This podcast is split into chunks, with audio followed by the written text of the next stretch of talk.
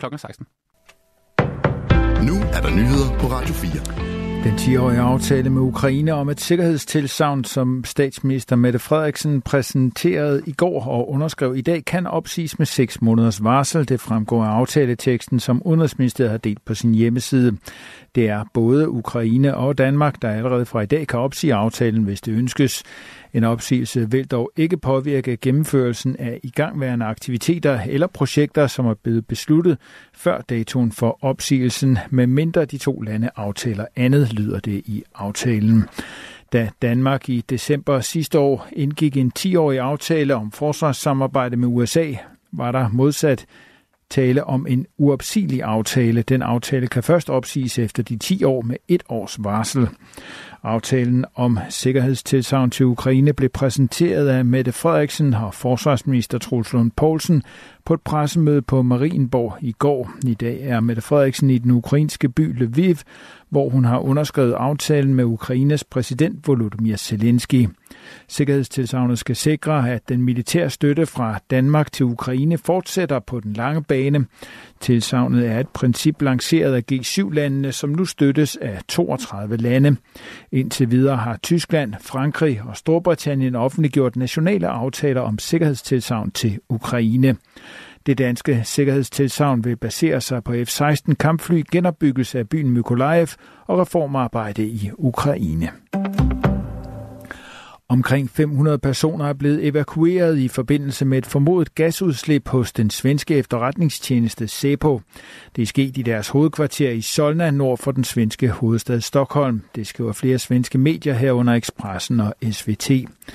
Expressen henviser til TV4-nyhederne for antallet af evakuerede. Sebos pressetalsperson bekræfter ifølge Expressen, at hovedkvarteret delvist er evakueret, men det præcise antal bekræftes ikke. Fem personer er kørt på hospitalet med luftvejsproblemer, hoste og lignende, siger cheflæge i Region Stockholm, Patrick Søderberg. Der er ingen oplysning om, hvad der præcist er sket, men beredskabet undersøger, om der kan være sket et gasudslip. Vi er på stedet for at forsøge at identificere en form for lugt i lokalerne, som personer har reageret på. Bygningen evakueres, siger Tommy Wolberg, der er chef for den centrale redningstjeneste ifølge Expressen. Ifølge Aftenbladet er beboere i området blevet bedt om at lukke deres vinduer. E EU-kommissionen vil i næste uge træffe beslutninger, som kan frigøre op til 137 milliarder euro til Polen, det siger EU-kommissionens formand Ursula von der Leyen under et besøg i Polen. Her roser hun Polens nye regering for at fremlægge en handlingsplan, som ifølge von der Leyen vil genoprette retsstaten i Polen. Dette er afgørende tider for at styrke de demokratiske værdier. Vi er imponeret over jeres indsats for at genoprette retsstaten som kernen i det polske samfund, siger Ursula von der Leyen. Den tidligere polske regering under det nationalkonservative parti Lov og Retfærdighed var i flere år på kant med EU-kommissionen. EU-kommissionen mente, at den daværende polske regering ikke levede op til EU's værdier om blandt andet uafhængige dommere. Den kurs vil den nye polske regering ændre, derfor fremlagde den nye polske justitsminister i denne uge en handlingsplan for EU-landenes udenrigsminister. Planen skal føre Polen tilbage til at have en velfungerende retsstat. Samtidig har premierminister Donald Tusk i gang sat en række reformer, som nu til sydenland har overbevist EU-kommissionen om, at Polen igen er på rette spor. I vil skabe et polsk samfund, hvor borgere og virksomheder kan stole på institutionerne. Jeg hilser jeres handlingsplan velkommen. Den er et overbevisende vidnesbyrd om jeres vilde vilje, siger Ursula von der Leyen.